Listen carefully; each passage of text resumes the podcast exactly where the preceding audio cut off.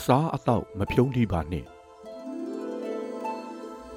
ကို့ထမင်းစားစပွဲဝိုင်းထဲရောက်လာတဲ့အစားအသောက်တစ်ခုဟာ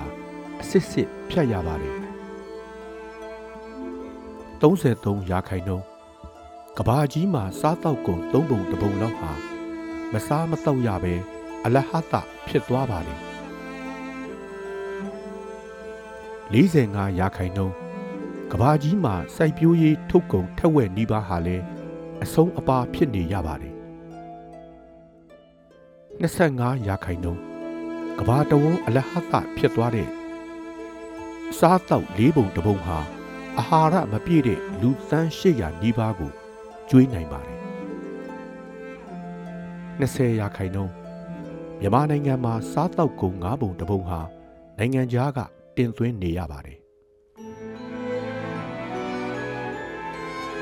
ကတ်ကြီးသုံးပါမြန်မာနိုင်ငံမှာကိုဗစ်ကပ်ဘေးနဲ့စစ်အာဏာသိမ်းကပ်ဘေးတို့လက်ရှိကြုံနေရပါတယ်ထပ်ပြီးစားနပ်ရိက္ခာကပ်ဘေးလဲကြုံနိုင်တယ်လို့ကုလသမဂ္ဂကသတိပေးထားပါတယ်ကတ်ကြီးသုံးပါအထိဖြစ်လာနိုင်ပါတယ်အချို့နေရာတွေမှာစားနပ်ရိက္ခာပြတ်တာစစ်ဘေးကြောင့်ရွှေပြောင်းနေထိုင်ရတာတွေဖြစ်နေပါတယ်ဒါကြောင့်အစားအသောက်အလဟတ မဖြစ်ပါစေနဲ့